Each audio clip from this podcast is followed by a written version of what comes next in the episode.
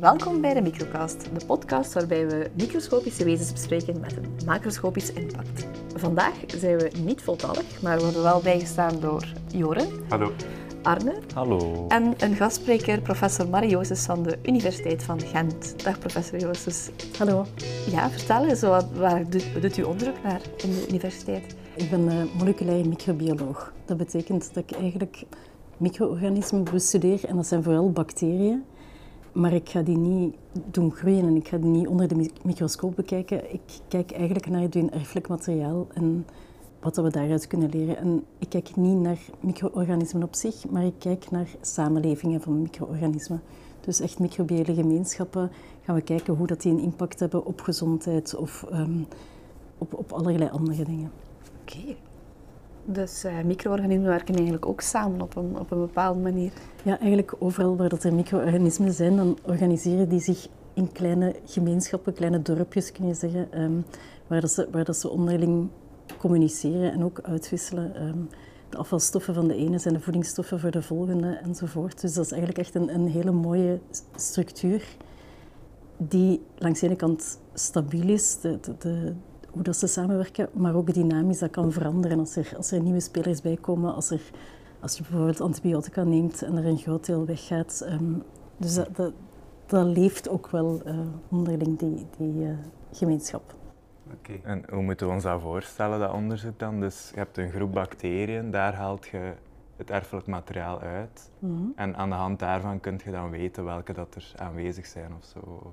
Ja, wat we doen is eigenlijk, we hebben, we hebben bij bacteriën hebben we één bepaald gen dat bij alle bacteriën aanwezig is. Um, dat stukken heeft die gelijkend zijn en stukken die heel verschillend zijn. En wat we doen is, aan de hand van die stukken die gelijkend zijn, kunnen we het eruit halen en vermenigvuldigen. Mm. Um, en de verschillen in die stukken die kunnen ons iets leren over wie dat er zijn. Nu, het nadeel daarvan is dat we eigenlijk heel uitgezoomd gaan kijken. Dat we, dat we um, niet altijd tot in detail kunnen zeggen welke bacteriën exact daar zijn. Dat we, dat we een idee hebben van de groepen bacteriën die er zijn, maar dat we niet altijd kunnen zeggen wie exact het is. En dat linkt je dan aan bepaalde ziektes of bepaalde... Ja, van, van sommige bacteriën weten we dat ze ziekteverwekkers zijn. Um, van andere bacteriën weten we dat ze bijvoorbeeld hele goede producten maken, waar we als mens ook um, iets aan hebben.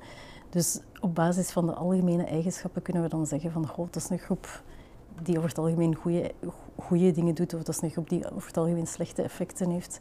En daardoor kunnen we dan iets meer daarover zeggen. Ja. ja. Oké, interessant. Uh, ik denk dat u ook drie stellingen heeft voorbereid. Ja. Uh, misschien even op in te leiden voor de nieuwe luisteraars. Uh, Marie, professor Marie Joos, mogen we Marie zeggen? Ja, zeg maar. Marie heeft drie stellingen voorbereid, waarvan dat er één een fout is en wij gaan die proberen achterhalen. en achteraf kan Marie dan bespreken, meer in detail, de, de, de fouten en de juiste stellingen, om zo wat meer te weten te komen over haar, haar onderzoek en over die, die micro-organismen waar ze op, op werkt. Ja. Dus. Oké, okay. ik ga ze eerst alle drie gewoon opnoemen. Hè? goed. goed. Um, ik ben een, een, grote voorstander en een grote pleitvoerder voor, voor goede mondhygiëne. Maar mijn eerste stelling is dat als je doorgedreven mondhygiëne um, doet, dat je dan nadelige effecten kunt hebben op je gezondheid. Meer specifiek, als je doorgedreven mondhygiëne doet, dat je um, je bloeddruk kunt verhogen. En met doorgedreven mondhygiëne bedoelt u te veel poetsen? Of? Uh, nee, echt ont, uh, ontsmettingsmiddelen gebruiken in uw mond bijvoorbeeld. Ah, Oké. Okay. En dat zou kunnen zorgen voor, allez, zou misschien, als de stelling juist is, voor een hogere bloeddruk ja. kunnen zorgen. Oké. Okay. Ja, dan zouden we naar de tweede stelling. Dat is de eerste stelling. De tweede, um, zoals ik zei, ik ben moleculair microbioloog en het fijne daarin is dat we met de nieuwste moleculaire technieken dat we eigenlijk in één keer alle bacteriën die ergens aanwezig zijn in kaart kunnen brengen en dat we eigenlijk alles tegelijkertijd kunnen bestuderen. Okay. Ja. Mm -hmm. ja. En dan de laatste, jullie hebben misschien al van stoelgangtransplantatie gehoord, maar ook in de mond bestaat er zoiets als, um, er worden ook mondbacteriën getransplanteerd. Vroeger werd dat bij de mens gedaan om aan te tonen dat, dat um, bepaalde bacteriën gaatjes kunnen veroorzaken. Nu worden er minder experimenten zo bij mensen gedaan, maar wat, er is wel bijvoorbeeld aangetoond met zo'n mondtransplantatie-experiment dat door de mondbacteriën te veranderen bij muizen, dat die repetitief gedrag gaan vertonen. dat zijn bepaalde kenmerken die wij associëren met autisme-spectrumstoornis. Dat, dat we dat gewoon door de mondbacteriën te veranderen bij muizen, dat we dat kunnen veroorzaken. Oh, wauw. Oké. Dat is de laatste stelling. Dat heeft wel, een, ah, die laatste stelling zou wel echt een grote impact hebben als dat ook bij Ja. mensen zo zou zijn. hè. De laatste klinkt het spectaculair. Ja. Ehm, Hmm. Dus de eerste stelling ging... Dat doorgedreven mondhygiëne Ja, zorgt voor een verhoogde bloeddruk. De tweede, dat we met de nieuwste moleculaire technieken alles in één keer in kaart kunnen brengen. En de laatste, dat ehm, door mondbacteriën te veranderen, dat we kenmerken die we met autisme-spectrumstoornissen linken, dat we die kunnen veroorzaken bij muizen. Maar ik heb het echt over, over gemeenschappen van bacteriën, dat we dat eigenlijk in één keer allemaal kunnen analyseren met de nieuwste technieken. dat is Ja, de tweede stelling toch? Hè? Ja. En je bedoelt dan ook heel specifiek van op soortniveau en... Ja, ik heb daar juist uitgelegd dat we kunnen niet zomaar op elk Mhm. niveau gaan, maar, maar zelfs los daarvan, los van hoe specifiek dat we kunnen gaan, dat we het eigenlijk in één keer allemaal kunnen beschrijven. Eén keer allemaal. Hmm. De tweede vind ik moeilijk om, om iets zo... Mhm. Misschien moeten we naar de rest eens kijken. Ik denk, te veel poetsen, dat dat, dat dat sowieso wel slechte effecten kan Maar hebben. het is, omdat- het is niet poetsen zelf, het is echt Ja, het gebruiken ja. Mhm. van, van, van ja, antiseptische middelen, van, van mondspoelmiddelen Ah, ja. die, die bacteriën doden. Ja. Ik kan me daar wel iets bij voorstellen. Ik denk, bijvoorbeeld in onze darm hebben we ons microbioom, waar zonder dat we niet echt, ja, onze darmflora, daar zonder kunnen we niet echt leven. Dus moesten we die allemaal dood doen, zou een groot probleem veroorzaken. Mhm. Ik kan me wel voorstellen dat er in onze mond iets gelijkaardigs gebeurt. ja. Dat er ook goede bacteriën zitten die we ook nodig hebben. Dus als we die dood doen, ja, dan hebben we ook een probleem. Ja. En onrechtstreeks zorgt dat dan misschien voor hogere bloeddruk. Ja. Weet ik nu niet. Ja. Ik meen me ook te herinneren uit de les dat er een link was tussen mondmicrobiom en obesitas. Was dat? Dat klopt inderdaad. Er zijn linken tussen, tussen overgewicht en, en bepaalde mondbacteriën, maar daar is eigenlijk niet meer zo heel veel mee gedaan. Ja, oké. Ehm, vooral omdat er veel gemakkelijke manieren zijn om overwicht te gaan Mhm. detecteren ehm, dan, Ja. dan naar de mondbacteriën te kijken. En, En, denk, als- en ook omdat het oorzakelijk verband niet zo duidelijk Ja. is. Mm. Dus het is niet duidelijk of het over, overgewicht de verandering in de mondbacteriën veroorzaakt, of Ja. Mhm. dat de mondbacteriën de verandering... Allee, het- verandering in gewicht Mm, veroorzaken. Ja. Ja, ja, dat is een moeilijke, denk ik. Ehm, Ja, maar bij overgewicht kan ik mij er nog iets meer bij voorstellen, omdat de link met de mond misschien duidelijker is. Allee, ik zeg nu maar iets. Hè. En via overgewicht en cholesterol zouden we dan misschien Ja. bij hogere bloeddruk ook. Ja. Allee, het is, Ja. ik weet er niets van, hè. het is Nee, speculatie. dat is waar. En dan Misschien kunnen we de laatste stelling nog eens proberen. Dat ging over de muizen die zich gedroegen zoals hoe dat wij mensen zouden... Ja, nee, autiform gedrag. Dus, Ja. dus ehm, ja, de typische gedragskenmerken die wij associëren met autisme-spectrumstoornis, Ja. dat die eigenlijk gewoon door de mondbacteriën te gaan veranderen bij muizen, dat, dat, die dat, gedrag, dat we dat gedrag kunnen uitlokken. Ja, ik vind de derde wel... Ik vind die het spectaculairst klinken. Dus ik hoop ergens dat ze dan juist is, omdat het heel interessant gaat zijn om over, om over te horen, maar ja. Ik stel voor dat we gewoon Ja. stemmen. Dus Ja. Arno, ik zal bij u Hmm. beginnen. Welke stelling Oké. denkt jij dat er fout is? Ehm, ach, ik ga gaan voor de tweede. Ik denk dat er misschien ergens qua nuance of qua technische details misschien toch iets niet klopt of zo. dus de tweede.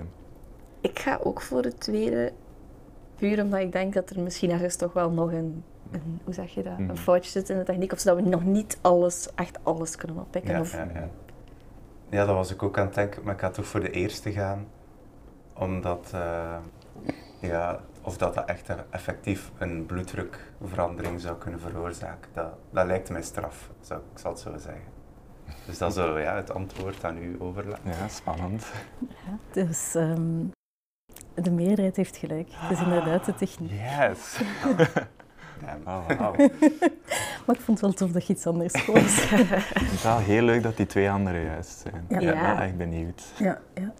Wel, die eerste, dus over, over mondhygiëne, ehm, nog eens, dat ehm, ik heb er een heel pleidooi over gehouden. Ik noem dat de vier belangrijkste minuten per dag dat je voor je tanden zorgt, omdat dat zo'n effect heeft op je welzijn in het algemeen.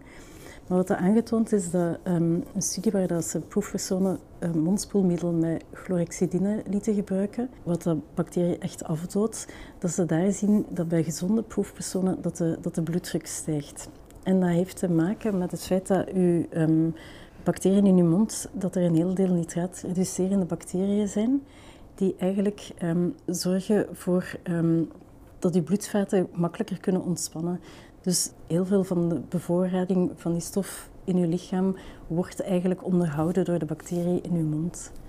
En dus omdat een mondspoelmiddel dat dat niet selectief is, dat dat niet enkel slechte bacteriën, niet enkel de bacteriën die gaatjes in uw tanden veroorzaken, maar eigenlijk alles afdoodt. Eigenlijk hetzelfde als wat we zien met antibiotica, dat niet enkel de ziekteverwerker wordt gedood, maar dat er, dat er ook van alles daarnaast wordt gedood.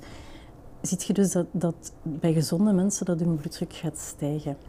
Wat is de rol van gezonde, dan die gezonde bacteriën in uw mond?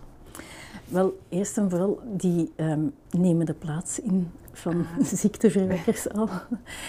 En ehm, over het algemeen doen die daar niet heel veel fout. Ja, dat is normaal dat elke oppervlakte, elke omgeving wordt ingenomen door bacteriën.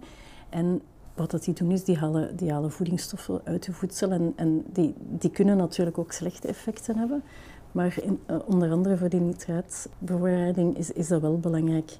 Wat dat die nog doen, en dat, dat ligt ook even terug naar wat dat je daar juist zei van, van overgewicht, is um, er is meer en meer onderzoek waaruit dat blijkt dat je mondbacteriën dat die ook een rol spelen in je smaakbeleving. Mm -hmm.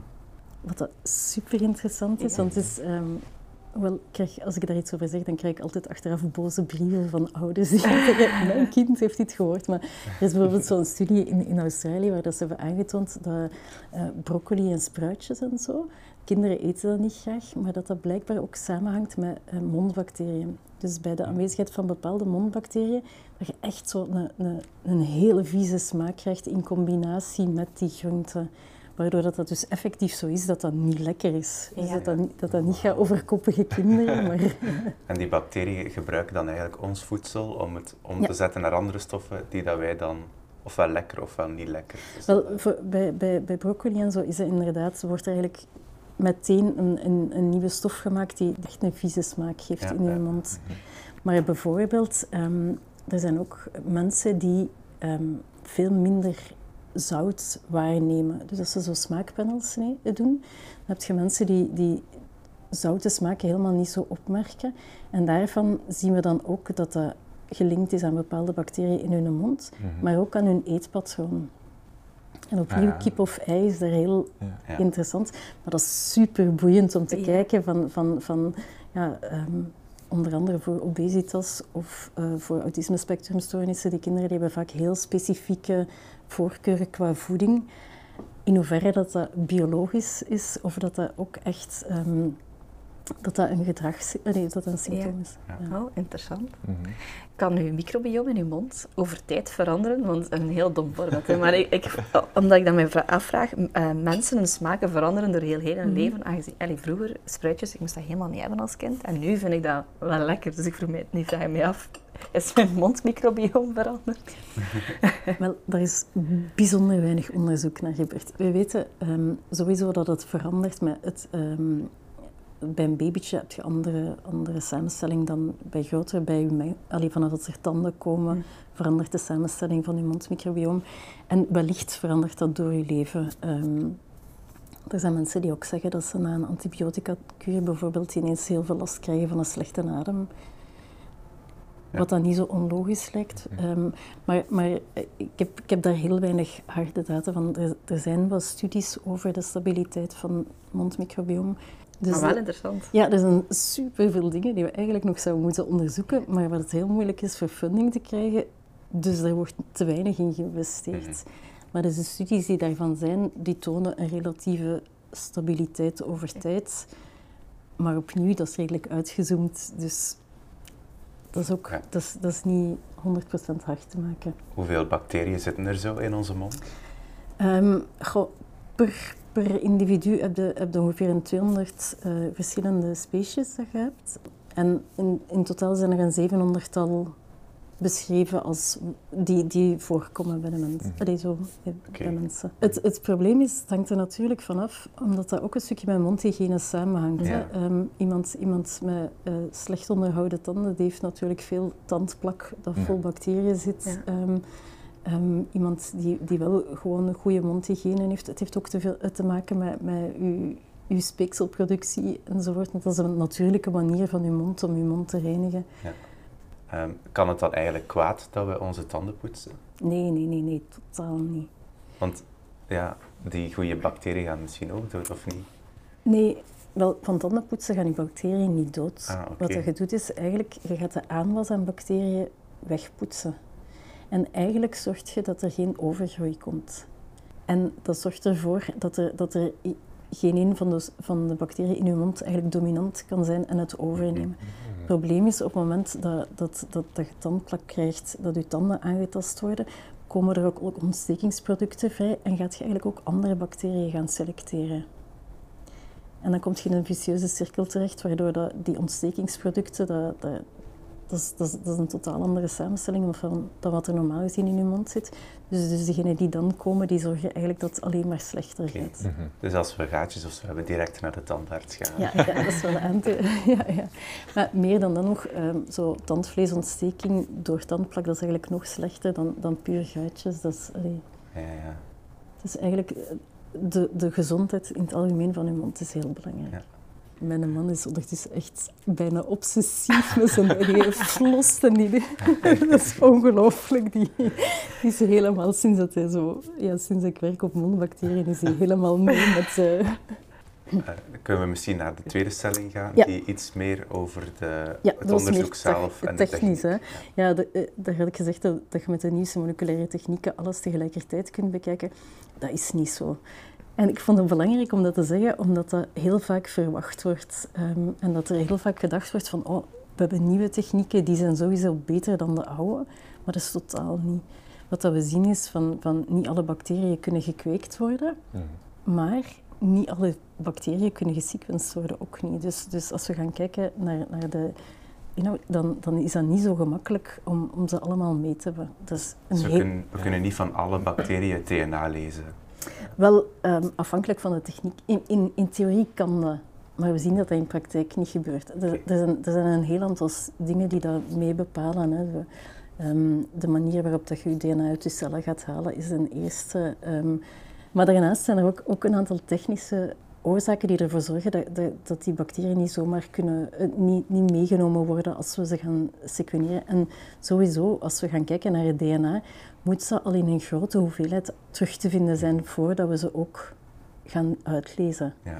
Dus dat betekent ehm, dat soms door gewoon simpelweg te kweken, dat de gevoeligheid van, om iets op terug te vinden veel beter is dan met die nieuwe technieken. Omdat je ze daar vermeerdert en dat... er- Ja, ja. Dus als ze kweekbaar zijn, dan is het soms veel makkelijker om iets terug te vinden. Ja. The good old-fashioned way, dan met de nieuwste technieken Ja. vinden we dat gewoon niet. En dat is, dat is super belangrijk, omdat die twee dingen nog heel lang naast elkaar gaan be- bestaan. En dat is ook nodig. ehm, dat, dat we niet gewoon alles wat we vroeger deden overboord gooien, maar dat we dat eigenlijk samen gaan gebruiken. En zowel nieuwe technieken als op de oude manier, omdat dat ervoor zorgt dat we een veel, veel vollediger beeld krijgen.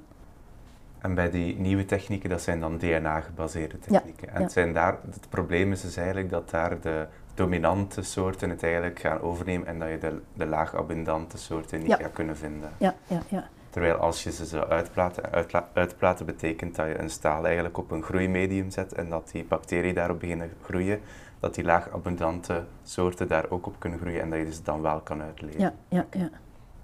Oké. En, en waar zie jij het vakgebied naar evolueren?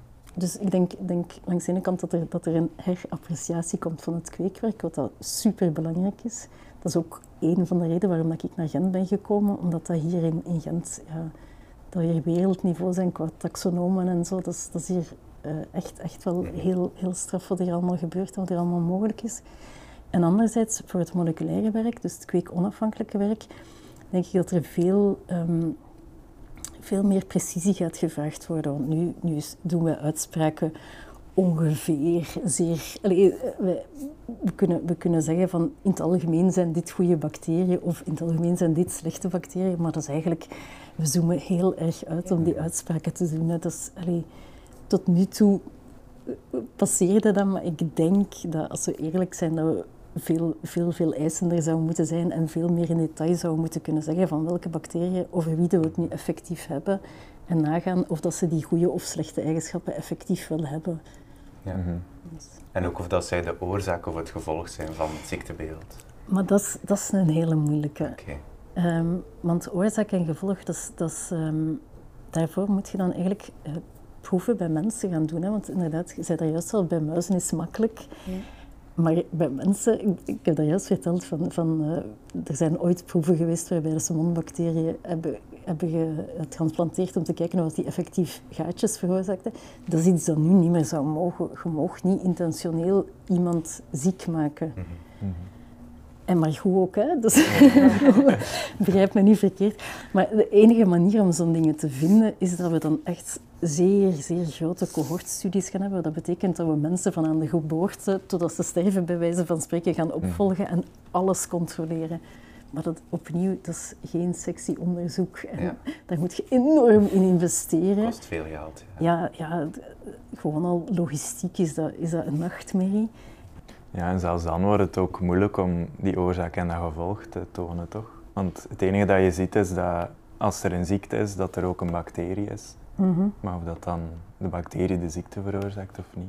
Ja, wel, dan, dan gaat je al wel meer zien of dat het voor het ontstaan van de ziekte is. Hè. Ah, en dan zou je daar, kun je daar wel een beetje meer op toespitsen. Um, ja, ja, dus als je ziet dat de bacterie er eerst was en dat dan de ziekte komt. Ja, als, als je ziet dat de bacterie er eerst is, dan zie je um, verandering in het bloed, bij wijze van spreken, en dan zie je het ontstaan van de ziekte. Dan, dan, ik, ik zeg het, het is nog geen sluitend bewijs. Om het mhm. echt aan te tonen, moet je bijna proeven gaan doen op mensen, maar dat is, dat is niet echt uh, verantwoord, gelukkig maar. En het is daarom dat ze veel muizen gebruiken voor het onderzoek. Ja. Zoals ook in de laatste stelling. Ja, ja, ja.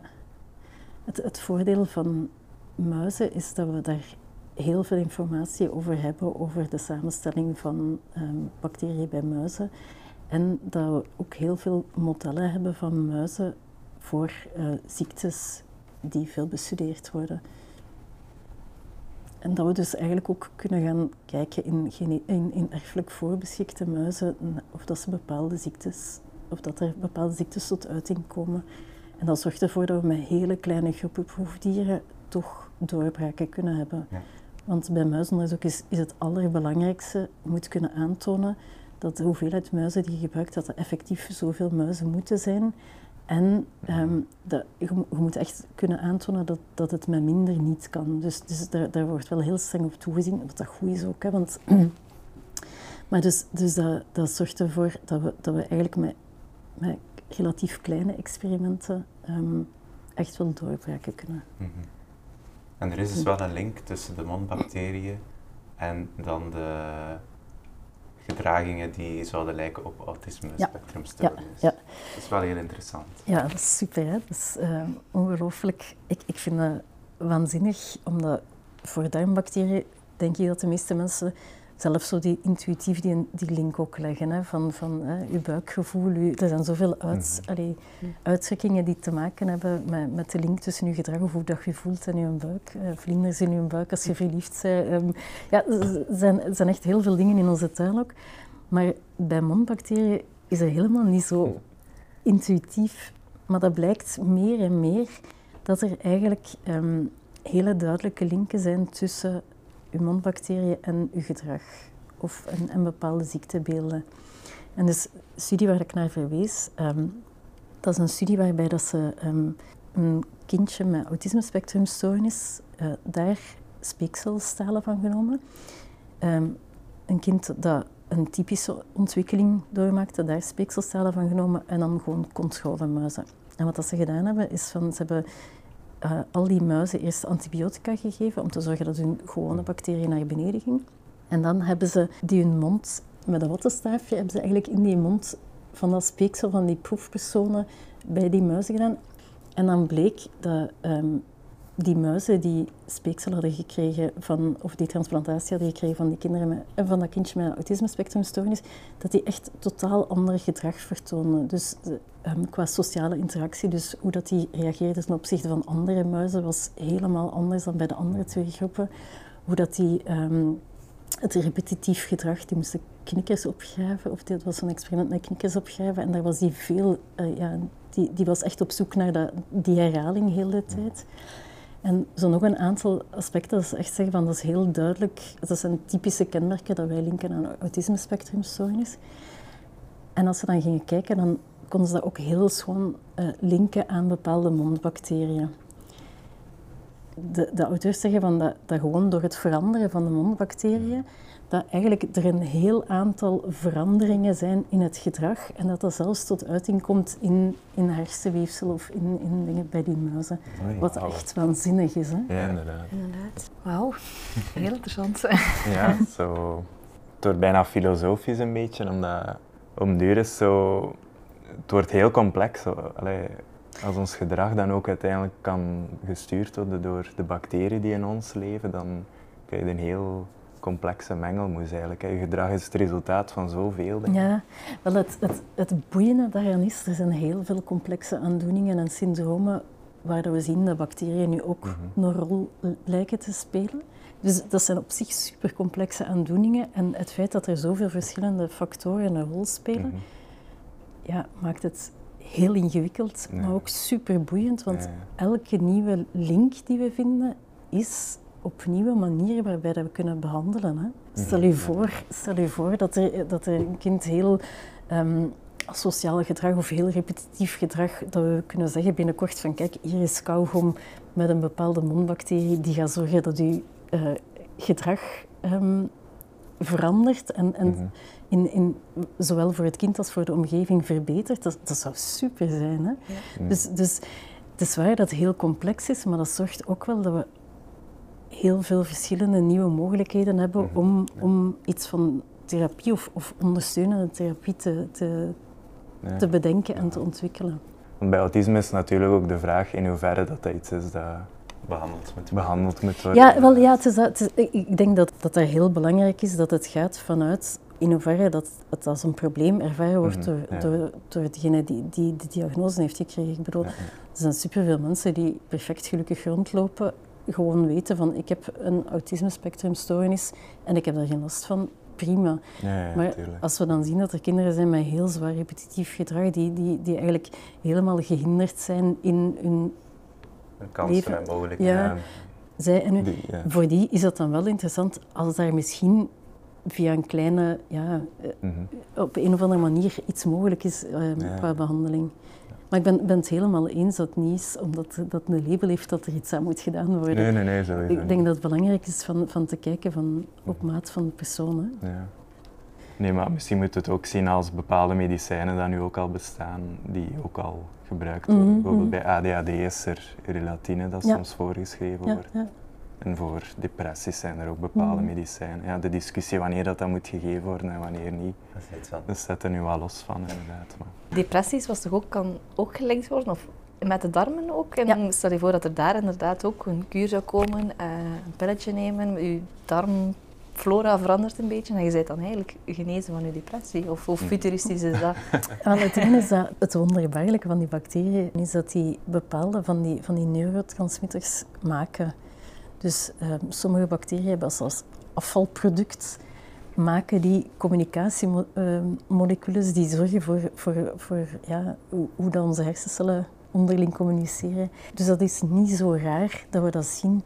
En we zien inderdaad bij mensen die zelf aangeven dat ze, dat ze depressieve symptomen vertonen, zien we ook over het algemeen dat die bacteriën die dat kunnen aanmaken, dat die minder voorkomen. Het feit dat bacteriën dat kunnen, ja. Mhm. Dat die die stoffen kunnen aanmaken, dat wij, daar, dat wij daarop reageren. Zoals dat je ziet bij die muizen, als je ziet dat hun, dat hun genexpressie in hun hersenen anders is, mhm. omdat hun mondbacteriën verandert. Dat is waanzinnig. Hè? Dus als je ziet dat, dat, dat wij als mens wellicht ook gaan reageren op wat, wat onze bacteriën ons aanbieden, zorgt dat, dat, dat, dat er inderdaad heel wat, wat potentieel in zit. Ik denk, ik denk dat we daar heel, met mijn tweede stelling, hè, dat we, dat we, dat we toch ook echt heel voorzichtig moeten zijn, omdat we nog niet alles helemaal begrijpen en niet alles in kaart kunnen brengen. En dat wat dat wij nu zien als de werkelijkheid, dat dat nog altijd maar een stukje van de werkelijkheid is en dat we nog niet de volledige puzzel hebben. Alleszins, het is wel een heel interessant en dynamisch veld, precies waar dat uw onderzoek zich in begeeft. Ja, ik vind dat wel. ik ga ook voortaan anders kijken in de spiegel terwijl ik mijn tanden heb. Oké, dan bij deze willen wij u van harte bedanken, professor Marie Joostes. Uh, bedankt om tot hier te komen en om dit voor te bereiden. Heel graag gedaan. Tot ziens. Veel bijgeleerd en op zoek naar meer? Bezoek ons dan zeker ook eens op Twitter, Facebook en Instagram voor meer info en om op de hoogte te blijven van nieuwe afleveringen. Be there or be square.